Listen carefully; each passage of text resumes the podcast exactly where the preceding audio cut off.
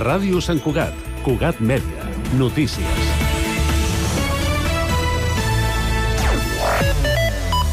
Bona tarda. Els Mossos d'Esquadra han alertat totes les escoles de Sant Cugat d'un nou mètode d'estafa. Els lladres envien correus electrònics a les famílies fent-se passar per algun membre de la direcció del centre escolar amb noms i cognoms reals i els demanen el cobrament de rebuts escolars de diferents conceptes i els faciliten un número de compte diferent de l'habitual per fer l'ingrés. La policia va enviar divendres passat un correu electrònic a les escoles amb l'advertència per demanar-los que ho reenviïn a totes les famílies del centre, ja que tenen dues denúncies de tentativa d'estafa amb aquest sistema de phishing a Sant Cugat. El correu dels Mossos demana a les famílies que desconfiïn atenció de qualsevol comunicació similar que rebin i que abans de pagar res confirmin la veracitat trucant en persona a l'escola.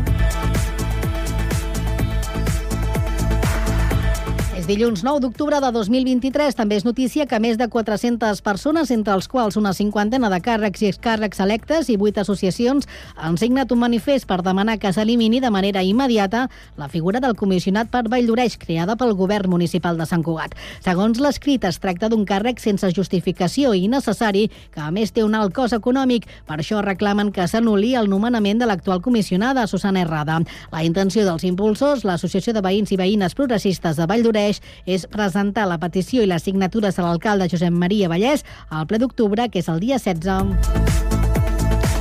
El PP de Sant Cugat demanarà que el ple de l'Ajuntament elevi la necessitat de dotar la ciutat d'un quart centre d'atenció primària.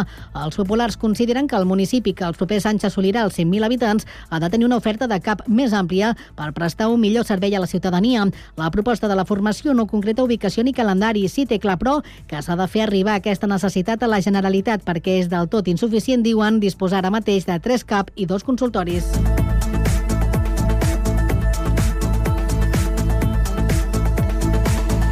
I també és notícia en la plana esportiva que el primer equip femení del júnior ha superat per 3 a 0 el Sardinero en maig corresponent a la jornada 4 de la divisió d'honor. Les santcuatenques terceres classificades han edificat el triomf amb una brilla en primera meitat on han sentenciat el maig amb dos gols de Laia, amb gols de Laia Vidosa, de penal cornal, Carlota Petxamé i Tere Lima. Les blau i negres jugaran dijous jornada intersetmanal amb la visita del Taboriente, sisè classificat. Res més per ara, la informació torna d'aquí una hora a la mateixa sintonia. Escolten Ràdio Sant Cugat i constantment a internet a www.cugat.cat.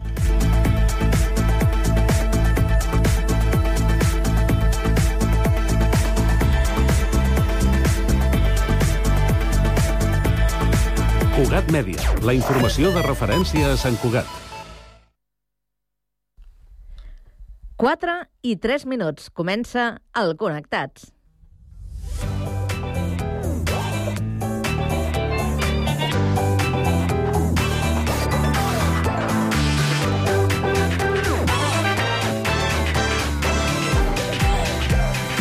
Connectats amb Carme Reversa.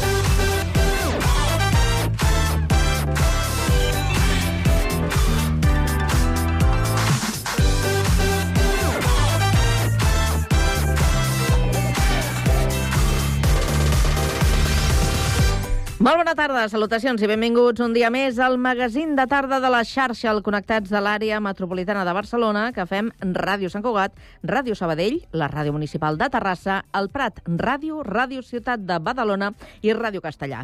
Una salutació de tot l'equip conduït a la part tècnica per Pablo Palenzuela, Jessica Rius a la producció i de qui us parla, Carme Reverte. Avui és dilluns 9 d'octubre i volem saber quin temps ens espera aquesta tarda. Lluís Mi Pérez. Bon dia, un temps que ha de continuar sent molt tranquil, per tant, comença la setmana, però no canvia el temps. Alguns núvols baixos i alguna boira, de fet, aquest matí a les conques de la Catalunya central, en alguns racons del prelitoral, també cap a les comarques de Girona, sobretot a la banda més baixa del Ter i del Fluvià, però seran núvols baixos i boires que es desfaran també als nuvolots que hi ha a les comarques de Tarragona. Aquest migdia i aquesta tarda, força sol a tot arreu, quatre núvols prims i una temperatura que tornarà a ser d'estiu. A gran part del país de 25 a 31 graus, per tant, fins i tot sensació de xafogó. Us seguirem a la xarxa.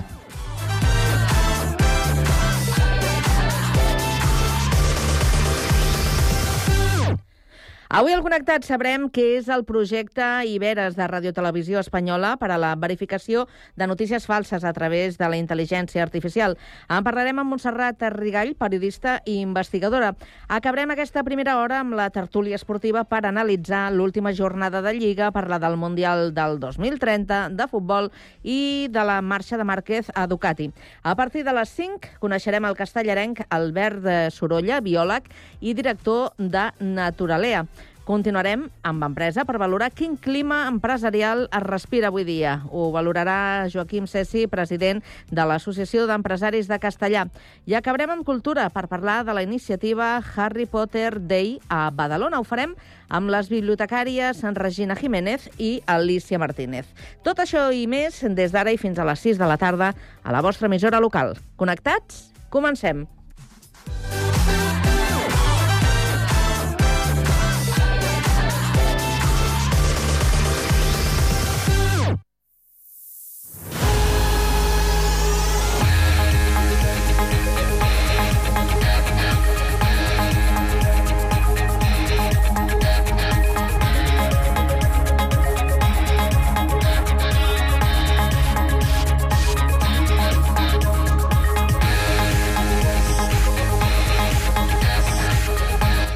4 de la tarda i 6 minuts ens actualitzem. Ho fem amb la ronda informativa que obrim per Terrassa. Sergi Estafé, bona tarda. Bona tarda. Més de 3.000 persones van participar diumenge en la cursa de la dona que l'Associació Esportiva Mitja Marató de Terrassa organitza en record de la periodista esportiva Fanny Sallés. Es tracta d'una prova homologada de 5 quilòmetres amb un desnivell de més de 46 metres i de caràcter solidari, ja que col·labora amb l'Oncolliga contra el càncer.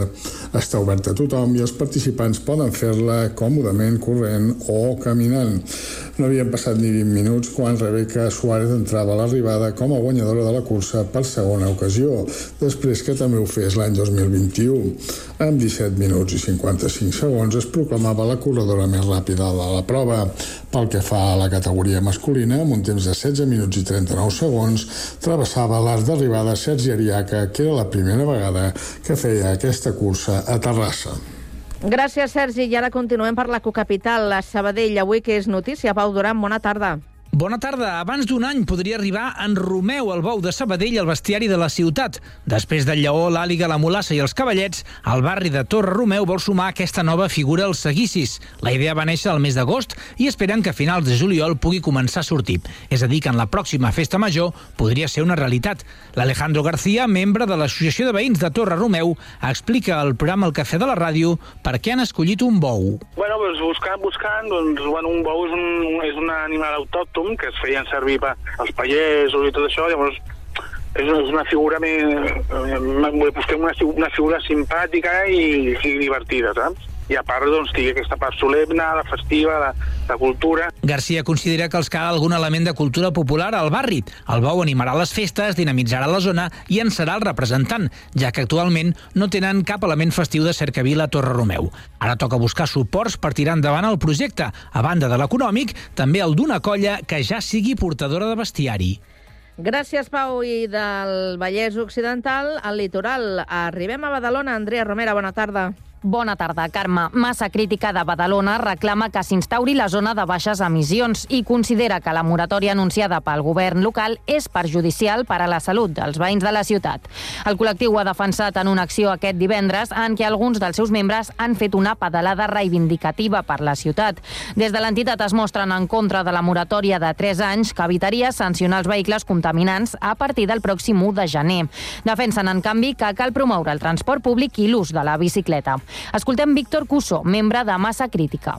L'únic que va en contra és dels ciutadans, perquè va en contra de la nostra salut. L'argument de que és per les persones que no es poden comprar un nou vehicle, jo crec que aquest argument no s'aguanta per enlloc, perquè el que han de fer és facilitar que la gent pugui anar en bicicleta o amb transport públic. Llavors, amb això, ja la gent no s'hauria de comprar un vehicle nou. En aquest sentit, Massa Crítica també demana que s'augmenti el nombre de carrils bici a la ciutat, sobretot en les zones d'ús diari com a l'entorn de les escoles, els polígons industrials o la carretera de Can Ruti. Creuen que el servei de l'ambici, que es va posar en marxa al maig, no es pot aprofitar si la infraestructura dels carrers no és l'adequada. Gràcies, Andrea. Seguim al litoral, anar una mica més al sud, al Prat de Llobregat. Víctor Asensio, bona tarda. Bona tarda. L'àmbit laboral és un dels espais on es poden donar situacions que afectin el nostre benestar emocional i la nostra salut mental. Precisament per commemorar el Dia Mundial de la Salut Mental que se celebra demà, el Centre de Promoció Econòmica ha acollit aquest matí una xerrada sobre el món laboral i la salut mental.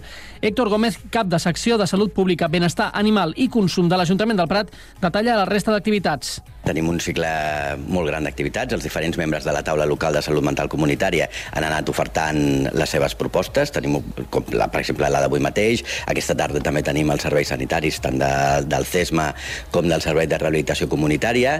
I demà, el dia 10, el dia de la celebració del Dia Mundial, tenim l'acte central, que és molt important, a l'Auditori del Cèntric, que parlem sobre accessibilitat laboral. A banda d'ajuts a persones amb problemes de benestar emocional relacionats amb el món laboral, l'Ajuntament ofereix assessorament sobre salut mental a través de l'espai Situa't, ubicat al Centre Cívic Palmira Domènech. Podeu demanar més informació trucant al 93 379 0050, marcant les extensions 5494 i 5495. Gràcies, Víctor. Abandonem ara el litoral, tornem al Vallès, a Castellà, concretament. Rocío Gómez, bona tarda. Bona tarda. La cooperativa Viver 3 Turons ha presentat oficialment l'estany on a partir d'ara hi podrà conservar un gran nombre de plantes aquàtiques autòctones, algunes en perill d'extinció a Catalunya. A l'acte hi ha assistit el regidor de Medi Ambient de l'Ajuntament, Aleix Canalis, i el biòleg i director de Naturalea, Albert Sorolla. L'estany s'ha habilitat en una antiga bassa de la finca als camps de Masolivet, a Sant Feliu del Racó, i té 1.300 metres quadrats. Es converteix així en un jardí botànic especialitzat en flora aquàtica el primer al nostre país, amb la necessitat de recuperar més biodiversitat, tant de plantes com d'animals, que s'ha perdut per la contaminació, sequeres, dragats de punts d'aigua. L'estany conservarà plantes aquàtiques amenaçades, a més de fer-se servir com a punt de divulgació mediambiental amb la col·laboració del Servei de Fauna i Flora de la Generalitat. Gràcies, Rocío. I abans d'acabar un repàs a l'actualitat de Sant Cugat amb Jessica Rius. Bona tarda.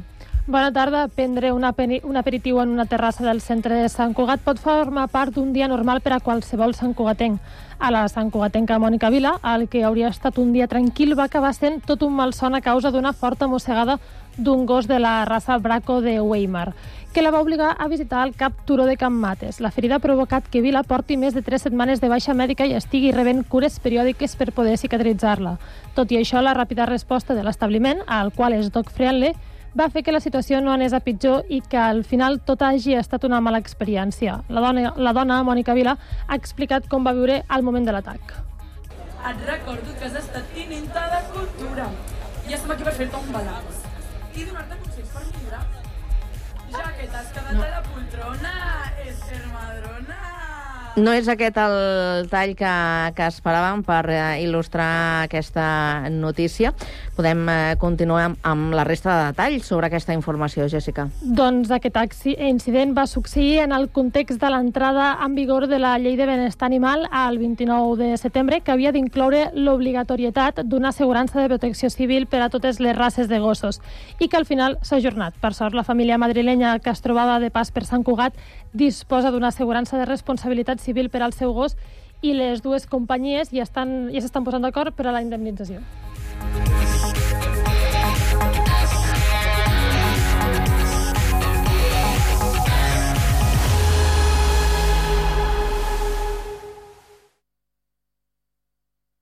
No et desconnectis. Connectats.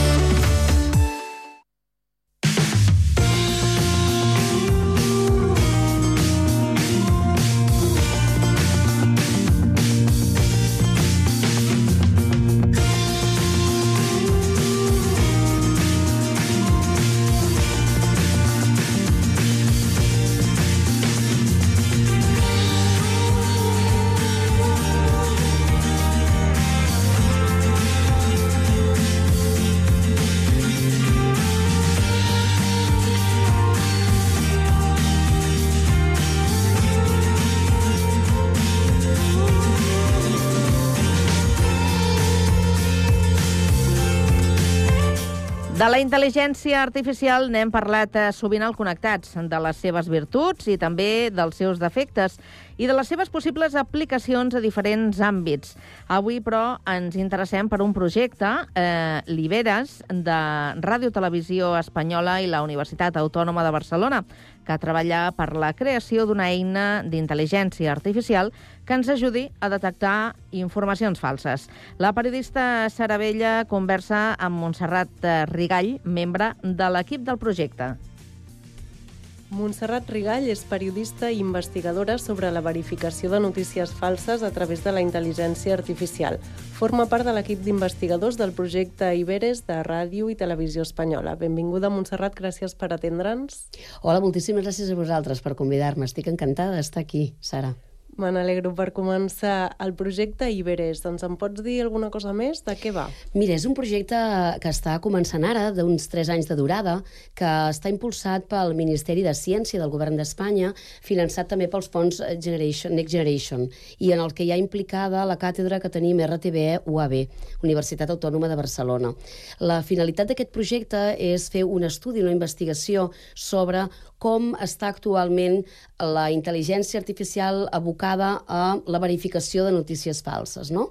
El que se'n diuen les fake news i amb la figura dels fact-checkers, que són, um, diguéssim, persones que es dediquen a verificar si la informació que corre, sobretot per les xarxes, però també en mitjans convencionals, són verídiques o no són verídiques. I neix amb l'objectiu final de crear una eina tecnològica, una eina d'intel·ligència artificial que aglutini totes les existents i n'afegeixi alguna de més per tenir-ne una de pròpia i com a servei públic que som poder donar servei a altres mitjans de comunicació. Per comprendre també la necessitat d'aquest tipus d'eines, quin és l'impacte de la desinformació en la societat? Crec que és enorme. No ens podem arribar a imaginar l'impacte negatiu que pot arribar a tenir la desinformació. Ho hem vist en el recent cas de la guerra a Ucraïna, però sobretot també amb tota la pandèmia de la Covid. Eh, hi ha en joc, jo sempre dic, eh, quan fem aquestes xerrades i arran d'altres viatges que hem fet i contactant amb altres fact-checkers, eh, a Noruega en concret varen posar sobretot el foc en el perill que hi havia les democràcies d'aquest país, no? d'aquest món. Uh, I són en perill perquè eh, és molt fàcil fer desinformació, és molt barat desinformar i provocar corrents d'opinió en contra de la veritat. Sí que és veritat que després s'obre un gran debat sobre qui té el gran ministeri de, de la veritat, no? qui hi ha al darrere de la verificació de les notícies. Això és un debat molt interessant, però hi ha molt en joc, tant que hauríem de ser conscients de la necessitat imperiosa per tant, de la urgència de crear unes eines de verificació d'informacions per evitar precisament posar en jaque-maque les democràcies de molts països. Es poden detectar efectivament les notícies falses a través de la intel·ligència artificial a dia d'avui? Es poden detectar, tenim eines, però és veritat que encara no estan a tots els mitjans de comunicació. En principi, actualment el que s'ha creat són unes empreses eh, normalment privades que es dediquen a verificar informacions. A Catalunya, per exemple, tenim el Verificat, però a nivell d'Espanya hi ha Neutral, Maldita, i a nivell mundial hi ha la TAM, Chequeado, etc.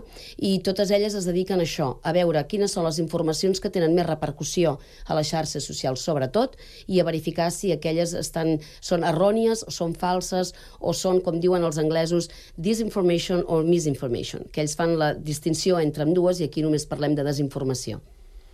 I el resultat d'aquesta verificació, de, per exemple, verificat o les que comentaves, són fàcilment accessibles i compartibles a sí, la societat? actualment tenen ells mateixos les seves pròpies xarxes, es poden trobar a través doncs, de les seves webs, sobretot començar a seguir-les, i també nosaltres a RTBE tenim un departament que es dedica a verificar, i es diu precisament Verificar RTBE, en el que el, a través de les nostres webs i alguns espais de televisió convencional, com s'entén la televisió que hem fet tota la vida, la tradicional, també eh, es, es donen veu a aquestes verificacions de les informacions errònies o, o falses. D'acord. Al marge del desenvolupament d'aquesta tecnologia que permet detectar les notícies falses, podem educar també els infants, joves i adults a distingir entre el que és veritat i el que no ho és? Mira, Sara, et diré que no només podem, sinó que hem de La media literacy és bàsica, importantíssima a totes les escoles. Intentar um, que tots els nens tinguin criteri propi per no només informar-se d'una sola font, sinó de moltes fonts, amb interessos al darrere diferents, i per tant que la societat, grans i petits, siguem sensibles al que estem consumint, perquè darrere del que estem consumint hi tenim molt en joc i hi ha molts interessos privats que potser no responen a la, diguéssim, a la nostra voluntat o al nostre tarannà ideològic o, o, o fins i tot de consum. Poden fer-nos canviar els hàbits de consum en funció de les informacions que rebem. Siguem molt curosos amb això i penso que tot passa per una bona formació eh, de cara a la ciutadania. I tens constància de si s'està impartint aquesta formació ara mateix a les escoles de Sant Cugat, Catalunya, sí, Europa? hi han determinades branques d'aquestes mateixes empreses, o per exemple el Col·legi de Periodistes de Catalunya, que està eh, donant classe eh, als mateixos professionals, però també a les escoles, i, i sí, sí que em consta també a través de les universitats que s'està duent a terme aquesta... eh, És incipient, eh? potser és ara i potser no està arribant a molta població, però comença a haver-hi una corrent sensibilitzadora respecte a aquest tema. Mm. Seguint en l'àmbit educatiu, quina és la teva experiència en el projecte Inspiring Girls International? Ah, aquest projecte és molt interessant. He tingut l'oportunitat, eh, la gran sort de poder eh, entusiasmar nenes a les que viuen en un entorn, eh, diguéssim, una mica més complicat, eh, famílies desestructurades o amb un llindar de la pobresa força elevat i que són nenes molt intel·ligents que potser no tenen les possibilitats que tenen altres i, i poder anar a explicar-los d'on vinc, qui sóc i què faig és una qüestió que m'enorgulleix moltíssim perquè jo vaig poder estudiar gràcies a beques. Els pares eh, eren, som d'una família molt treballadora i, i d'això n'estic molt orgullosa perquè he pogut doncs, aconseguir una, una carrera de periodisme, un màster, un postgrau i ara eh, intentar començar a estudiar un doctorat doncs, gràcies a, a beques per bones notes però també sobretot a la perseverança de que tu vols arribar on vols arribar i, i crec que aquestes nenes poden, si volen, eh, amb molt d'esforç esforç. No els serà fàcil, tampoc ho va ser en el meu cas, però que algú cregui en elles és important i jo crec en aquestes nenes. I es tracta d'anar a les escoles a empoderar sobretot aquestes nenes a que posin l'esforç en allò que volen fer i que no permetin que altres persones els hi posin un sostre de vidre. Creus que és necessari que les nenes tinguin referents femenins, com és el teu cas? Sí, sí que ho és, perquè moltes vegades la societat i està canviant, per sort, però encara ens queda molt recorregut per fer. Eh, en diem la, la síndrome de la impostora. Sempre hi ha alguna persona al costat que t'està dient tu no podràs fer-ho, eh, no serviràs, vés per un altre camí. No, mira, deixa'm intentar-ho, no? I si ho intento, per què no? I a vegades pot sortir bé i jo el que faig és doncs, donar energia a aquestes persones que volen intentar-ho i si no ho han aconseguit no passa res, anirem per un altre camí i potser un altre camí s'obre, però almenys intentar-ho. Mm. I ja per acabar i tancar així una mica el cercle respecte a com hem començat, com d'optimista et sents respecte al futur de, de les fake news i de la verificació de totes aquestes notícies? Crec que és una corrent que tot just ara comença i que anirà increixendo i que aleshores hi hem de posar un aturador i hem de posar un aturador i no només des de les empreses privades, que també, però sobretot des de les institucions públiques. Varen poder estar en una trobada internacional a Oslo, la capital de Noruega, en la que es va posar sobre la taula la rellevància de què estan fent les institucions, com per exemple doncs, la Comissió Europea respecte a les fake news. Ells estan prenent consciència també i estan actuant, però eh, falta una mica de posada en comú de tots aquests esforços que s'estan fent de forma individual. Hi ha una altra entitat, que és l'IFCN, que ara se n'ha creat una altra, que és la EFCN, que és um, una mena de xarxa internacional de fact-checkers i una xarxa europea de fact-checkers. Si aconseguim que aquestes empreses que ja existeixen posin els seus esforços en comú i signem convenis amb mitjans de comunicació públics i institucions públiques, crec que valdrà molt més la pena per aturar aquest, aquesta mena de subgènere informatiu que són les fake news. Perfecte, doncs moltíssimes gràcies, Montserrat, un plaer escoltar-te i aprendre. Gràcies a vosaltres per convidar-me i un plaer també estar aquí amb vosaltres. A la tarda, no et desconnectis. A la teva ràdio local, connectats. Can't touch this. You can't touch this.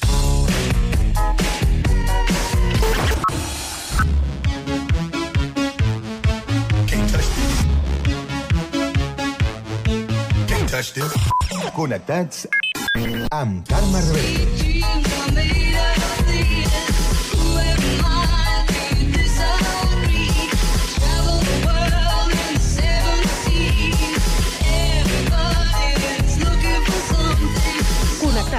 Una experiència radiofònica a Sabadell, Terrassa, Sant Cugat, El Prat, Castellà i Badalona.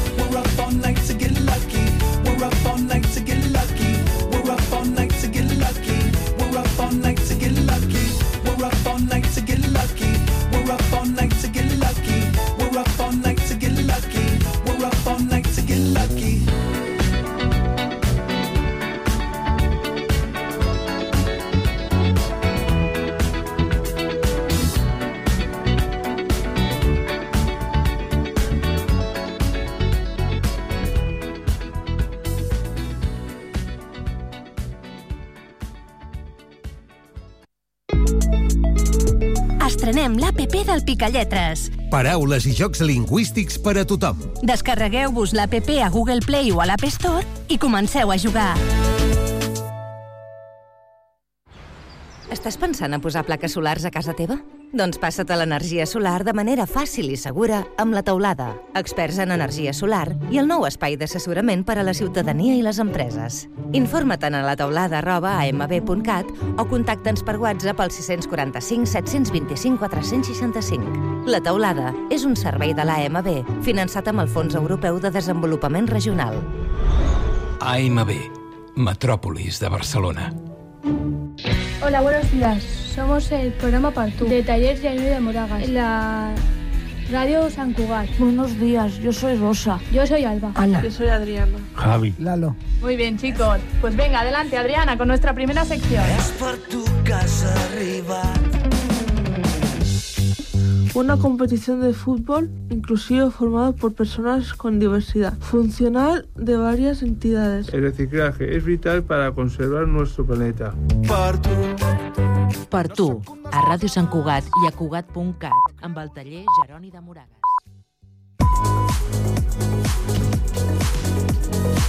Cada tarda, de 4 a 6, Connectats. Una experiència radiofònica a Sabadell, Terrassa, Sant Cugat, Castellà, El Prat i Badalona.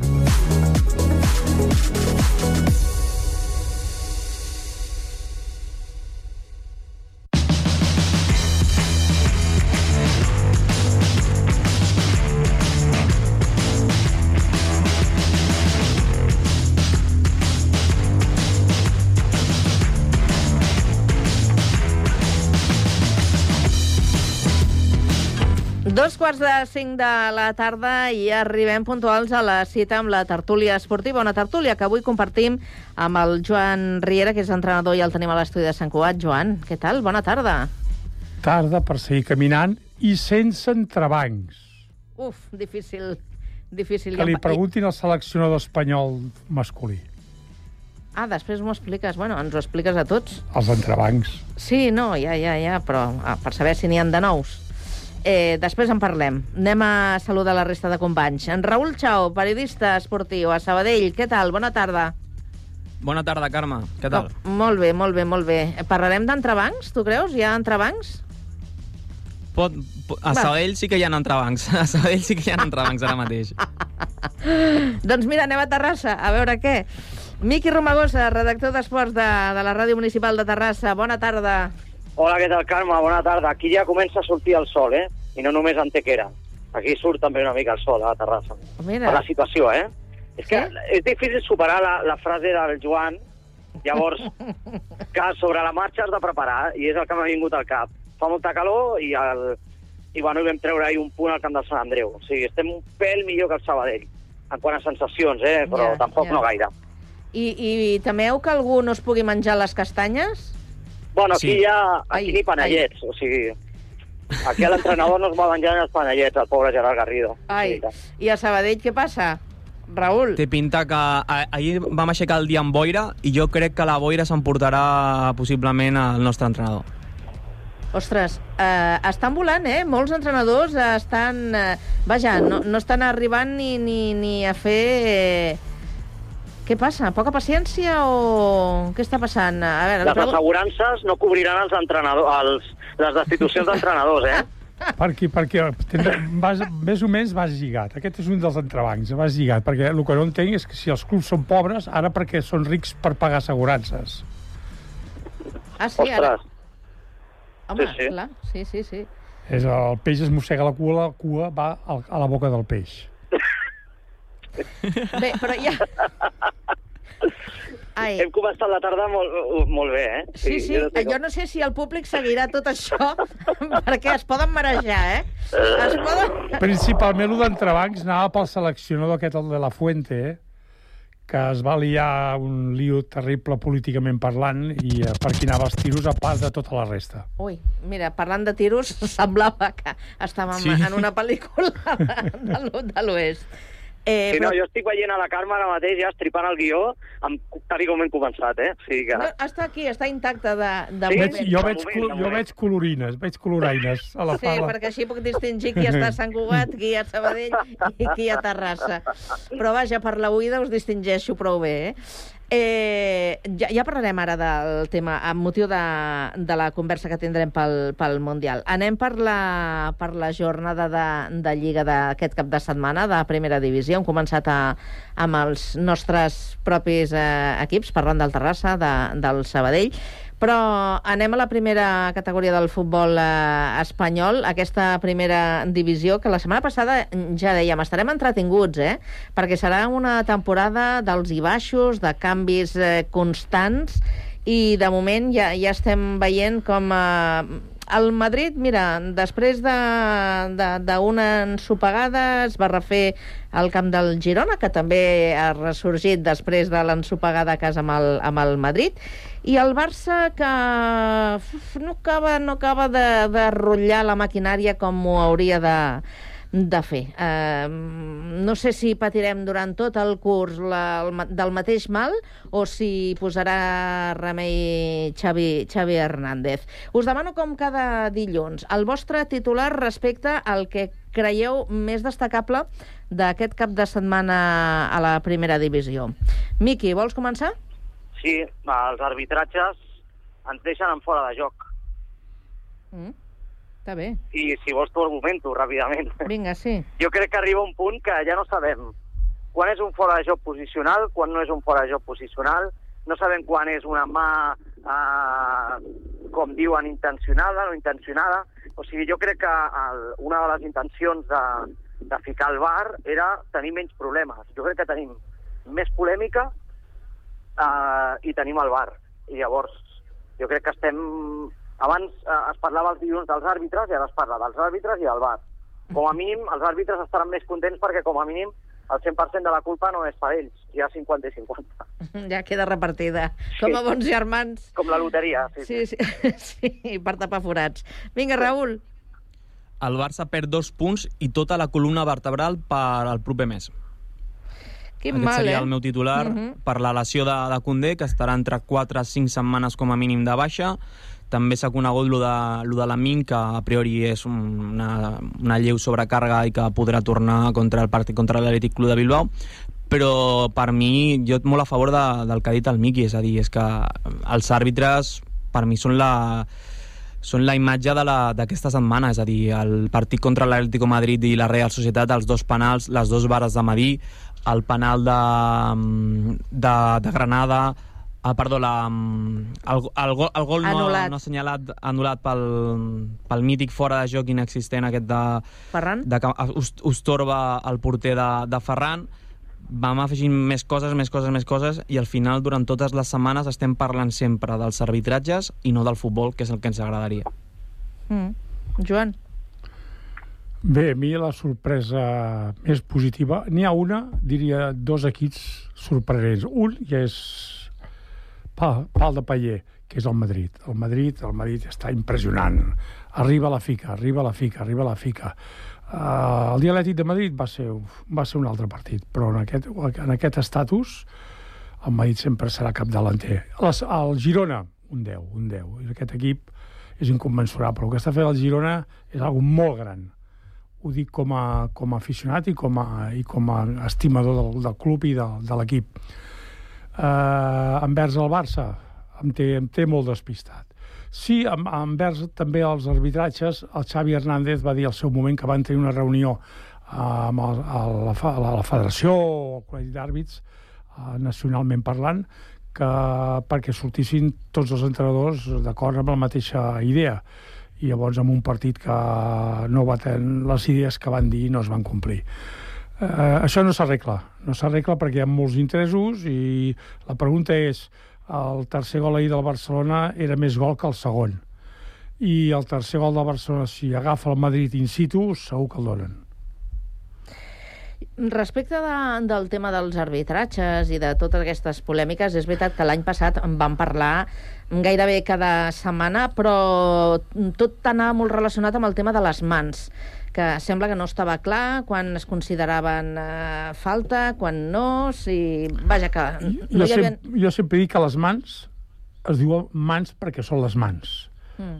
Un colze, un braç o un, un rebot Un, pit, un pital. no són mans. Les mans, quan agafes, quan el porter, mira't el porter, que agafa la, la, el porter amb les mans. Això són mans. Quan pares una pilota amb la... jo Quan jugava a futbol era petit, si, para, si frenaves la pilota amb una mà, era, era mans, o si l'agafaves amb la mà, nens petits que agafen la pilota amb la mà per, per, per, per, per, per, per celotípia, que els altres no la portin als peus i, la, i així se la tenen ells acucurrada la pilota perquè no l'agafin els altres. Pues les mans són mans. Veràs com ha dit la, la jefa. Mm. És que, Car Car sí. Carme, per exemple, quan jugàvem al pati de l'escola, tothom sabia que eren mans i que no eren mans. Si ara tornem a tenir 8, 9, 10, 11 d'anys i estem al pati de l'escola, jo ara mateix no sabria dir què és mans i què no és mà. Uh, el penal que li piten a la Real Societat en contra de les mans de, de Carlos Fernández, el jugador està d'esquenes a, a la porteria assegut al terra, aixecant-se amb la mà, amb la mà dreta, aixecant-se i li piten penal perquè li dona la, a la, la pilota a la mà. Quan el jugador en cap moment està mirant la, la, la pilota, l'únic que està fent és intentar aixecar-se. Ni així pot uh, el senyor, en aquest cas, aixecar-se perquè no li pitin penal. Uh, jo crec que ens estan canviant aquest esport, és a dir, que que et pitin un penal d'aquesta manera ja jo crec que és el, el nou Mas. És bastant ridícul. Després hi ha un altre aspecte que us volia comentar, és una sensació, eh? quan, eh, quan veiem els partits de, del Barça, el cas Enríquez Negreira eh, planegen l'ambient i sembla que totes les decisions que prenen els àrbitres és com si estiguessin condicionades, no? Però, però això com a valoració que fa, que fa el públic, que, que fan els estadis, els estadis quan el Barça juga fora de casa, no? Bueno, no, quan juguem fora de casa ens diuen, ens diuen de tot. Catalanistes, puto, ca, puto Barça, puto Catalunya, ens diuen de tot. Mm, No crec que vagin per aquí els tirs, o sí que van per aquí, o millor tot, tot, tot, tot està engraçat, tot és el mateix, el mateix sac, no ho sé. Però fixa-t'hi bé que últimament ja no es parla d'aquest senyor, d'aquest àrbitre, que jo l'havia conegut, un àrbitre amb molta personalitat. Dubto moltíssim que aquest senyor tingués poder com per fer per liar-la amb aquests temes. Que, que tingués poder per futbol regional, no et dic que no. Però pel, pel futbol de previsió que estava dominat pel Plaza i sus sequaces, en aquella època, doncs dubto molt que, que ells tinguin al- al- algun ressort, alguna, o alguna una escletxa per poder accedir per allà i fer algun, alguna, algun mangoneo. Ho dubto moltíssim. Miqui Raül, algú vol afegir al respecte d'aquesta qüestió? nor, nor, normalment els equips més, més petits, és a dir, quan s'enfronten contra un gran, sempre veuen que les decisions en cas de dubte sempre van cap al gran. Aleshores, ara, per exemple, qualsevol aficionat d'un equip que jugui contra el Barça té fàcilment a qui culpar d'aquesta decisió. Mm. Aleshores jo crec que um, ho van veure a Bilbao contra l'Atlètic Club, que van- l'aficionats de l'Atlètic van llançar bitllets, que va ser la, Sí. la temporada passada, i ara el, a, a Granada s'escoltava per la tele això, el Negreira, Negreira, els crits de, que cridaven la- l'afició de Granada. Mm. I el que he dit jo abans, també, i els insults contra, contra el Barça i Catalunya. Anava Aquí ja barregem moltes més coses. Sí, sí, aquí no era... Ja, ell, aviam, és una sangria, i el Negreira és una més, i demà serà una altra, i demà passat serà una altra.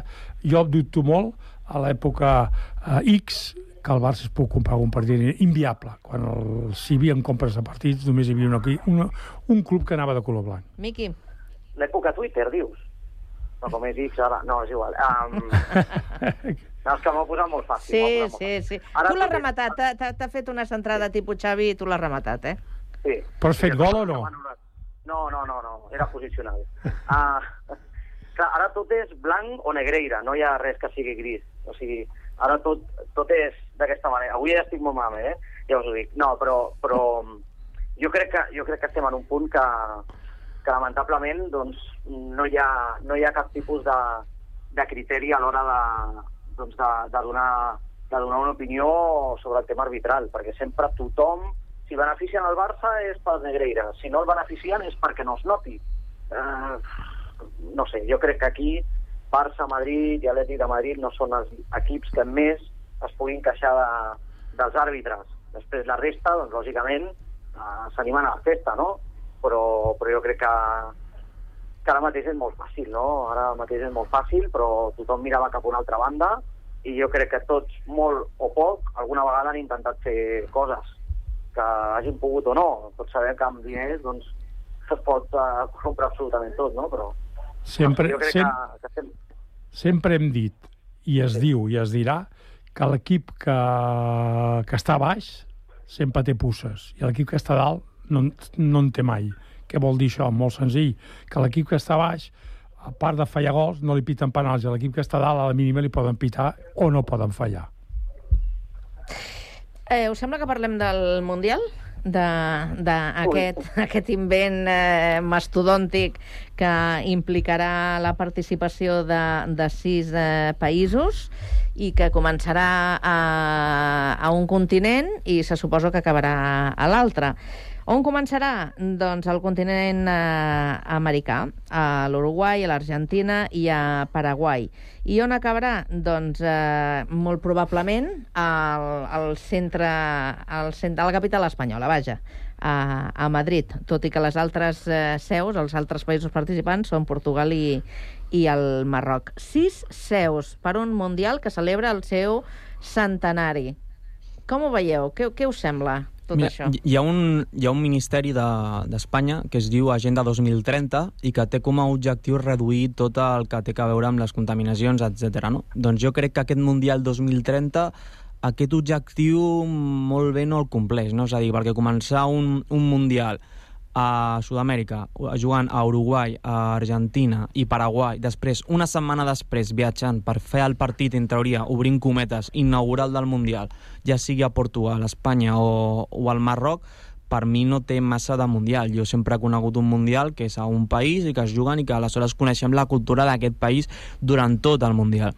Aleshores, també, ara mateix, ens estem donant compte que hi ha una sèrie de coses principals que no s'han negociat abans de tancar un acord, perquè és a dir, a priori el Mundial que organitzava Espanya era la península Ibèrica, després van decidir fer- fer-ho amb Ucraïna, però Ucraïna es va caure i van decidir utilitzar el Marroc també per així ja aconseguir els vots de tota Àfrica. Què passa? Que el rei de, del Marroc i el president, bueno, sí, van decidir de que demanaven la final per Casablanca, que volien construir un estadi de 100.000 persones però aleshores tothom donava per fet que la final seria a, al Bernabéu perquè era el que havia negociat l'expresident de la Federació Espanyola, Luis Rubiales, però pel mm. que es veu, Luis Rubiales això no ho havia negociat. Aleshores, tant Portugal com Marroc tenen el dret de negociar per intentar portar cap, a, cap als seus països la final. I jo em pregunto, uh, la final no hauria de ser en l'estadi amb major capacitat d'Espanya i en aquest cas entra el Camp Nou, perquè el Camp Nou, uh, quan estigui fet, són 130 eh, 103.000 uh, de, de capacitat. Però tu veus una final d'un Mundial que, que té com a seu a Espanya que jugui a Barcelona? No, no, impossible. Però que seria, lo, seria Home, el més tenint en lògic... compte que- ten, tenint en compte que l'estadi més gran d'Espanya està és el Camp Nou. Però sabem com funciona tot això i sabem on serà la final. Home, la, el Santiago Bernabéu també està Santiago re, re, remodelat, Això no? si no arregla els lavabos sí, però, aquell però no, dia. no arriba... Digues, no arriba digues, als Raül. 90.000. Dic que no arriba als 90.000. Crec que renovat són 88 o una cosa així. Mm. Miqui, Doncs és una EMA, o sigui, de Mundial, EMA de Mundial, eh? Uh, la veritat és que a mi no m'agrada en absolut. Jo crec que la, la gràcia d'un Mundial era, doncs, uh, que un país pogués acollir doncs, tots els partits, que, que tingués aquest ambient de Mundial. Però això ja s'ha convertit en un autèntic, ja ho és, negoci. Uh, s'ha convertit això en, a veure, quin, és un seus- mercat, és un mercat. sí, quantes seus es poden fer. Jo suposo que això acabarà sent la volta al món en, en 80 dies i, i ja està. I, i crec que s'ha perdut la gràcia que tenia, no? Van començar amb això de, de fer-ho en, en do, doble seu, que, que semblava, doncs, ser un... Era Espanya i Portugal, en principi. Sí, sí. Però, però després jo crec que li van dir a, a Rubiales eh, què, te gusta viajar? I segurament doncs, van anar a més països, no? Suposo, ara que no hi ha Rubiales, doncs segurament ho tirarien tot enrere.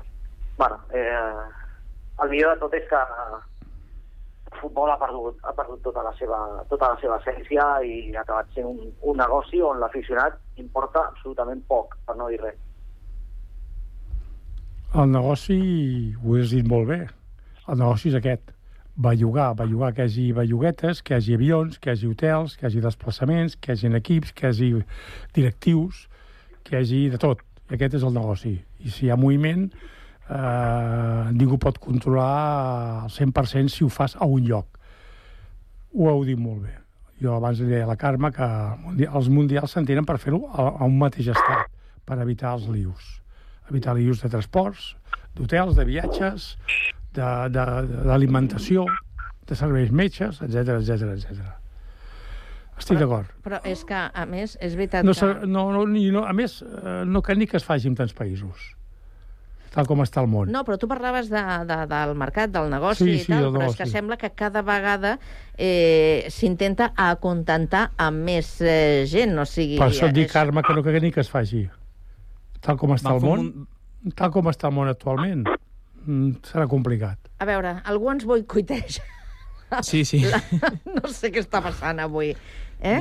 Va, van fer un Mundial a, a Qatar, que això implicava canviar totes les lligues d'Europa, Eh. perquè tenen un inici de- d'agost a juny, i això va implicar que les lligues canviessin, que hagués una aturada molt gran durant els mesos de novembre i desembre, va haver-hi un calendari superaplegat, tot per als mm, diners que Qatar. volen la... Sí. Pues va fer en un I país, es va fer només en un país, no en cinc o sis països a la vegada, amunt. Ja, però, va, va, però van implicar molts Sí, canvis. això sí, I ara això sí. imagina't que a, els canvis que també implicarà uh, per, als, pro, per les pròpies seleccions, els propis equips, que uh, potser un dia et toca eh, jugar al continent eh, europeu o, o a Àfrica i que d'aquí 3-4 dies et toca anar a, a, a Sud-amèrica. Haurà No, totalment, és que la són- doble són- nacionalitat. Què dius? Que hi haurà jugadors que tindran la doble nacionalitat. La doble, la doble, la triple, la O quadruple. la triple, una triple. Sí, sí, la veritat, ah, jo sortiré guanyant amb això, que si tenen algun problema amb un, amb un país, se'n va a l'altre. Correcte. Sí, sí, o sigui, un dia farà fred i un altre farà calor, no? Perquè també estarem en èpoques diferents. Clar, clar. Jo, faria, Clar, clar, perquè- jo el Mundial el faria al Nepal, tots allà. Mundi mundial quatre estacions, tu, com la pizza. Allà, allà al Nepal, tots al Nepal allà, tots allà concentrats, i el que es moïi gaire se li, se li generaran els genolls. Jo començaria a Nepal i acabaria a Qatar. Seria una, una, una diferència atmosfèrica boníssima. Sí, perquè... Ai, mare Amb meva. aquell anunci, que fa, un anunci que de tota la neu a la muntanya amb una pilota vermella, semblant això. I, I a nivell, ara m'estava preguntant i m'estava imaginant, a, a nivell de cobertura de televisions, tot això com ho negociaran?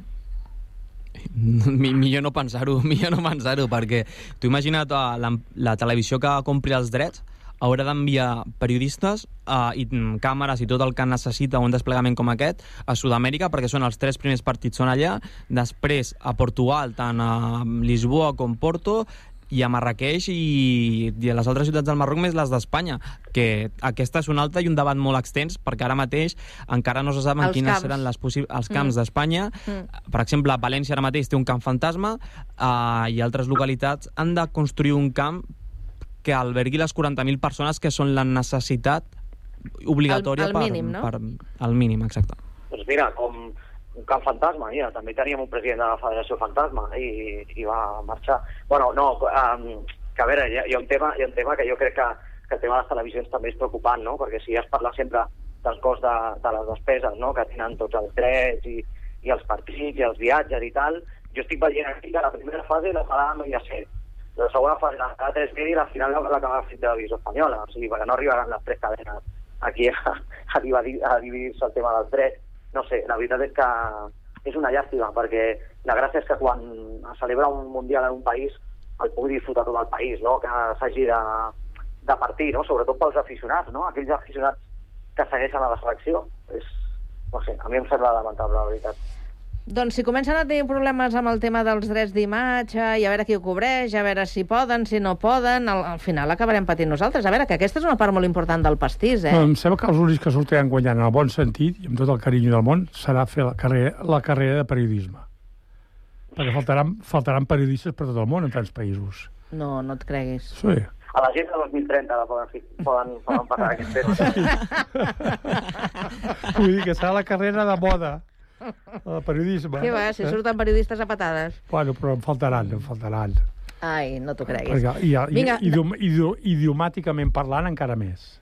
perquè no Uh, tu- no jo m'ofereixo, eh? Si, si em volen, m'ofereixo, me'n vaig. Jo Mira, també, m'és eh? igual, Portugal o el Marroc. Llavors, llavors no hi hauria tertúlia, no faríem tertúlia. Sí, home, la faríem via... pel Venus. Faríem cadascú un lloc, En no? el, País, el en el. País Basc per, per- ser enviat especial, jo crec que no ho passaríem malament, eh? O Astúries, en aquella zona, crec que tampoc ho passaríem va? malament, eh? Què va, què va, què va. Que ho dius, que ho dius per, per, per l'alimentació? Sí, i tant, oh, i tant. Per l'ambientillo, per l'ambientillo, que està bé. Escolteu, els últims minuts els tornem a dedicar a la figura de Marc eh, Márquez, que ja eh, ho vam apuntar la setmana passada, perquè Sí, ho avançaven. sonaven campanes, però vaja, que feien un soroll, i ara ja definitivament, no? Ha deixat eh, Honda, deixa Honda i se'n va a Ducati. I jo, jo us plantejava la setmana passada si no li han fet una mica el llit, de, si, si ho han facilitat tot eh, perquè al final eh, el pobre Marc eh, acabi avorrit i digui, escolteu, mm, me'n vaig. Crec que és la decisió més difícil que ha pres Marc, perquè és a dir, Honda li ha donat tot al llarg de la seva vida, però també és a dir, Marc va firmar un contracte de 4 anys, que és el contracte més llarg que s'ha firmat en el món de, del motociclisme, i aquest contracte al final ha sigut molt danyí per, per ell, perquè va tenir la greu lesió a Jerez, i després d'allà ve el Covid, això implica que la, les fàbriques asiàtiques deci, mm, deixen de treballar al mateix ritme i Europa les passa per, per sobre, especialment a Itàlia amb Ducati i KTM amb Àustria. Aleshores, tenim un desavantatge que les marques asiàtiques estan molt per sota de, de les marques europees. Actualment Ducati està molt per sobre i arriben en, el, en una moto que pot mm, lluitar pel Mundial i Marc Márquez vol el nou títol. Sí, com ho veieu? Vinga, eh, Miqui.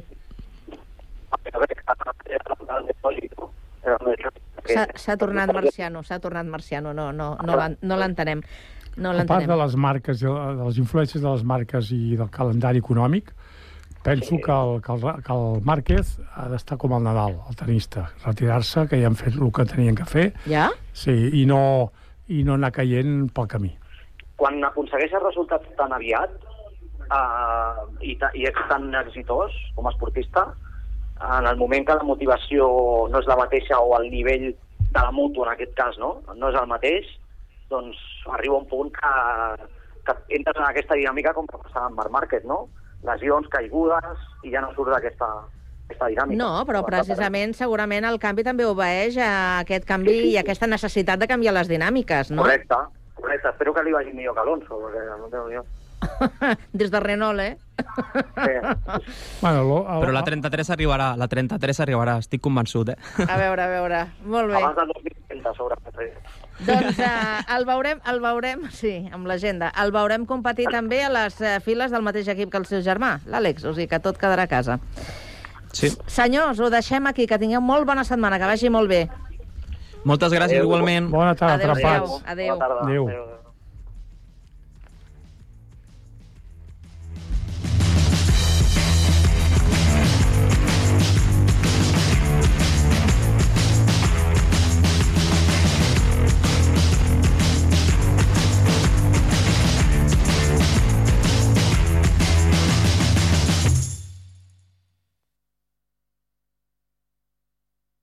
La gent gran a la plaça del Monatí, el mariachi. Vinga, Juan, Pedro, Georgia, que vagi molt bé, bona tarda. Igualment. Ràdio Sant Cugat, Cugat Mèdia, www.cugat.cat.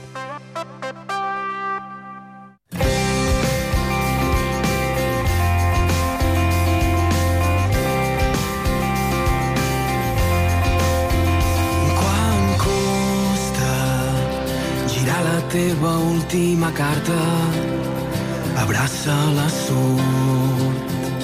Quan tot és una cursa de fons i vols guanyar, només val apostar.